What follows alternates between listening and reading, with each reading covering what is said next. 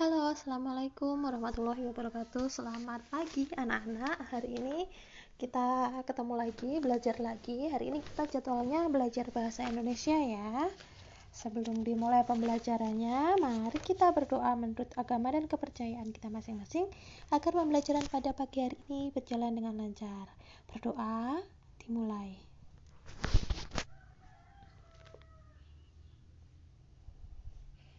berdoa selesai.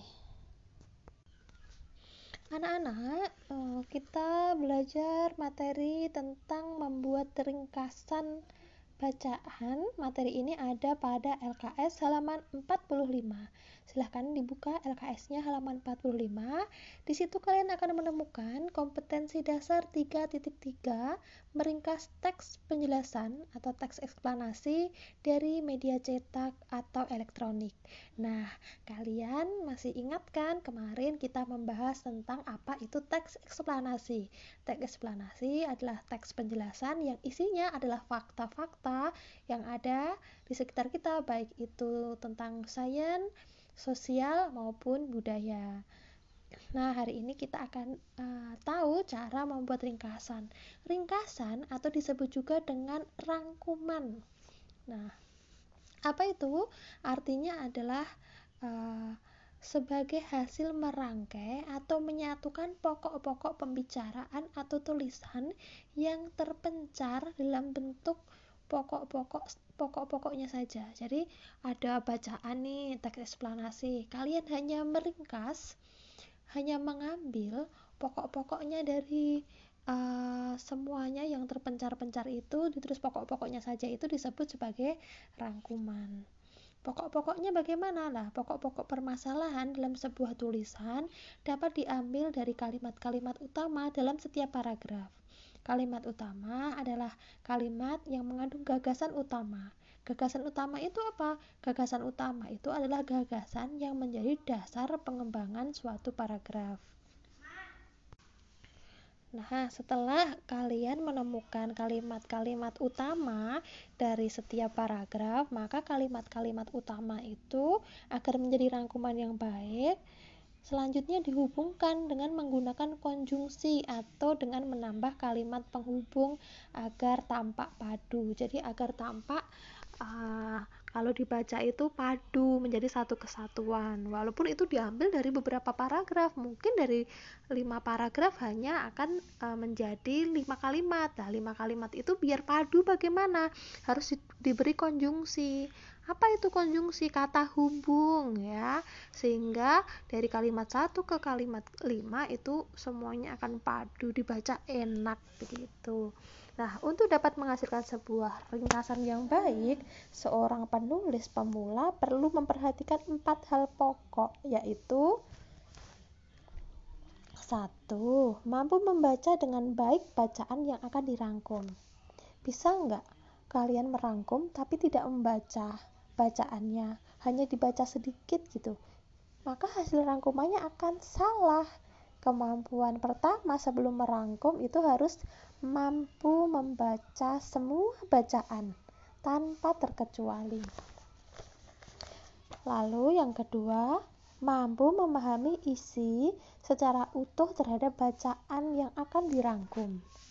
Yang ketiga, mampu menemukan ide-ide pokok ataupun kalimat topik dalam bacaan yang akan dirangkum serta yang keempat mampu menyusun kembali ide-ide maupun kalimat topik yang telah ditemukan menjadi sebuah tulisan yang utuh.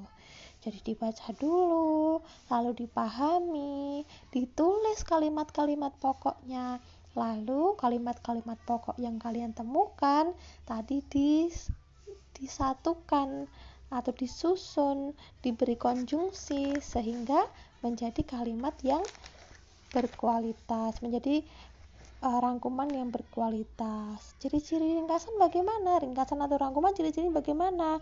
Ada di halaman 46. Satu, ciri-cirinya pengu, pengu, pengungkapan kembali bentuk kecil dari sebuah karangan, memproduksi kembali apa kata pengarang. Lalu mempertahankan urutan-urutan gagasan yang membangun sosok atau badan karangan, lalu menyusun ringkasan terkait terikat oleh penataan isi dan sudut pandang pengarangnya. Kalimatnya pendek-pendek dan senada dengan kalimat pengarang aslinya. Itu adalah ciri-ciri dari ringkasan. Bagaimana cara membuat ringkasan? Nah, seperti dijelaskan Bu Dewi ya, agar lebih jelas ini deh. Yang pertama, membaca naskah asli. Membaca naskah asli jika perlu diulang beberapa kali untuk mengetahui kesan tentang karangan itu secara menyeluruh. Penulis perlu juga mengetahui maksud pengarang dan sudut pandang pengarang. Setelah itu, mencatat gagasan utama. Nah, kalau itu di bukumu boleh kamu beri garis ya ini ini hal-hal yang penting. Ini gagasan utamanya di garis bawahi itu kalau bukumu tapi kalau pinjam buku perpustakaan nggak boleh ya. Pencatatan itu dilakukan dengan tujuan pertama untuk tujuan pengamanan agar mempermudah penulis pada waktu meneliti kembali apakah pokok-pokok yang dicatat itu penting atau tidak. Kedua, catatan itu juga akan menjadi dasar bagi pengolahan selanjutnya. Tujuan terpenting dari pencatatan ini adalah agar tanpa agar tanpa ikatan teks asli penulis mulai menulis kembali untuk menyusun kembali untuk menyusun sebuah ringkasan dengan mempergunakan pokok-pokok yang telah dicatat. Itu kalau kalau buka buku kalian kalian harus mencatat ide-ide pokoknya setelah dicatat ya digabung ya mengadakan reproduksi. Apa itu?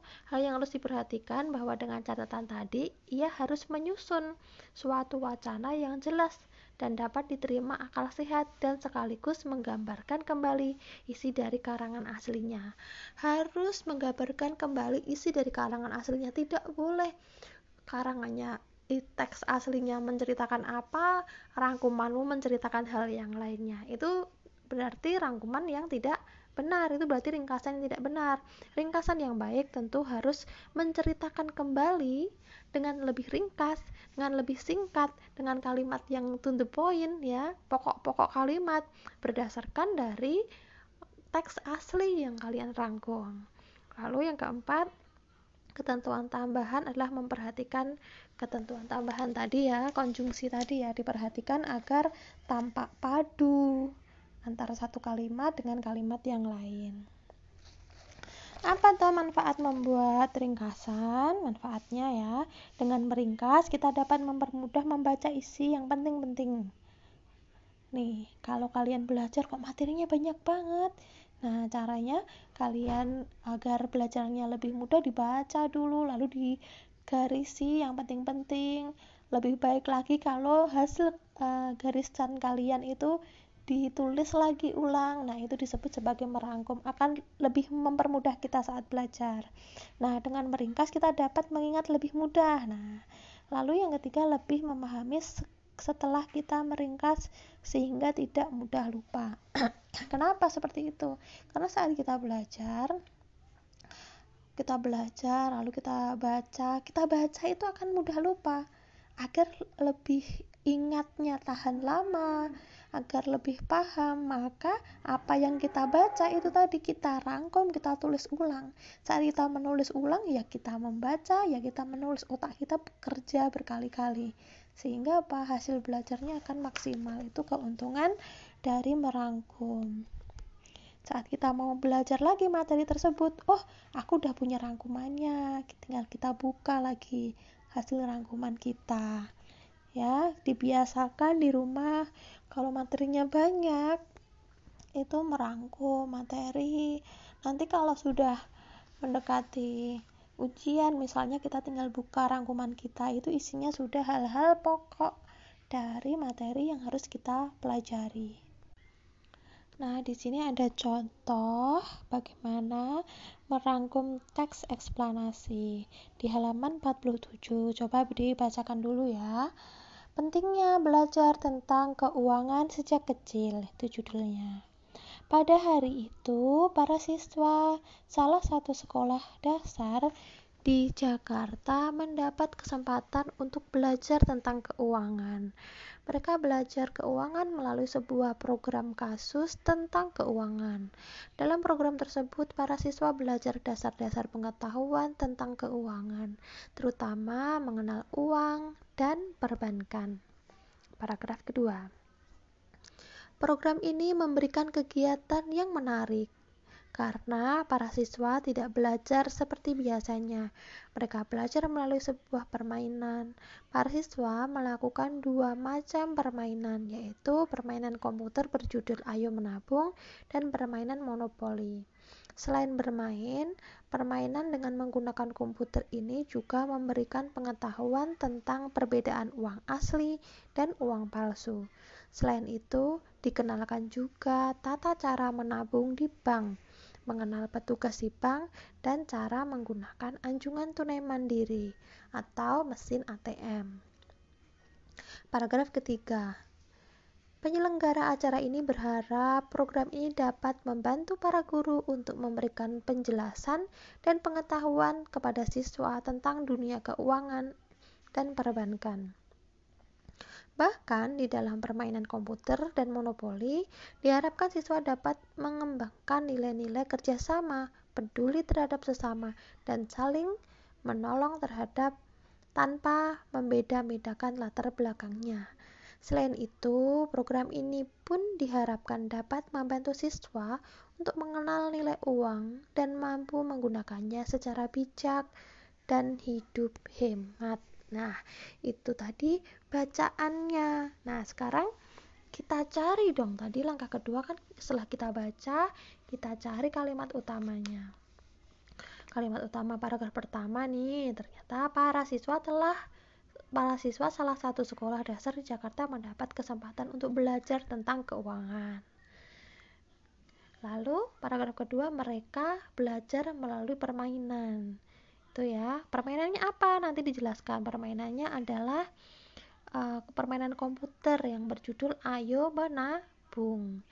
Lalu paragraf ketiga program ini bertujuan membantu para guru untuk memberikan penjelasan dan pengetahuan kepada siswa tentang dunia keuangan dan perbankan. Udah ketemu nih uh, kalimat utamanya. Langkah berikutnya apa? Dari kalimat-kalimat utama kita kembangkan, kita tambahi konjungsi sehingga kalimat-kalimat utama nanti kalau digabungkan akan menjadi kalimat yang padu akan menjadi maaf akan menjadi tulisan yang padu dan sesuai atau menggambarkan dari teks asli yang tadi Bu Dewi bacakan. Nih, hasilnya seperti ini. Para siswa salah satu sekolah di dasar di Jakarta mendapat kesempatan untuk belajar tentang keuangan. Mereka belajar melalui permainan komputer berjudul Ayo Menabung dan Monopoli. Selain itu juga diberikan pengetahuan tentang perbedaan uang asli dan uang palsu, tata cara menabung di bank dan cara menggunakan ATM. Program ini bertujuan membantu para guru untuk memberikan penjelasan dan pengetahuan kepada siswa tentang dunia keuangan dan perbankan. Itu hasil dari ringkasan atau rangkuman tiga paragraf teks asli yang dibacakan Bu Dewi. Bagaimana? Mudah bukan? Nah, anak-anak, sebenarnya hasil rangkuman antara satu orang dengan orang yang lain tentu hasilnya akan berbeda, tergantung daya serap, ter tergantung kemampuan memahami dari bacaan yang dibaca. Tugas kalian nanti adalah membuat rangkuman. Nanti Bu Dewi akan kirim contoh teks eksplanasi lalu Bu Dewi minta kalian merangkum. Jangan saling contoh mencontoh ya seperti yang disampaikan Bu Dewi. Semuanya benar asalkan berdasarkan pada kalimat utamanya. Asalkan tidak melenceng dari teks aslinya. Sama-sama menceritakan poin yang sama dari teks aslinya. Semuanya akan benar jika sesuai dengan itu, lalu kalimatnya berbeda, tidak apa-apa. Intinya sama, kalimatnya berbeda, tidak masalah. Sekian pembelajaran dari Bu Dewi. Bagi kalian yang belum mengerjakan tugas uh, membuat video ya, masih ada beberapa anak uh, yang belum mengumpulkan. Saya beri kesempatan hari ini terakhir ya. tolong benar benar-benar konsekuen untuk menyelesaikan tugas. Akan menjadi poin penilaian untuk Bu Dewi. Oh ini anak yang tanggung jawab terhadap tugasnya.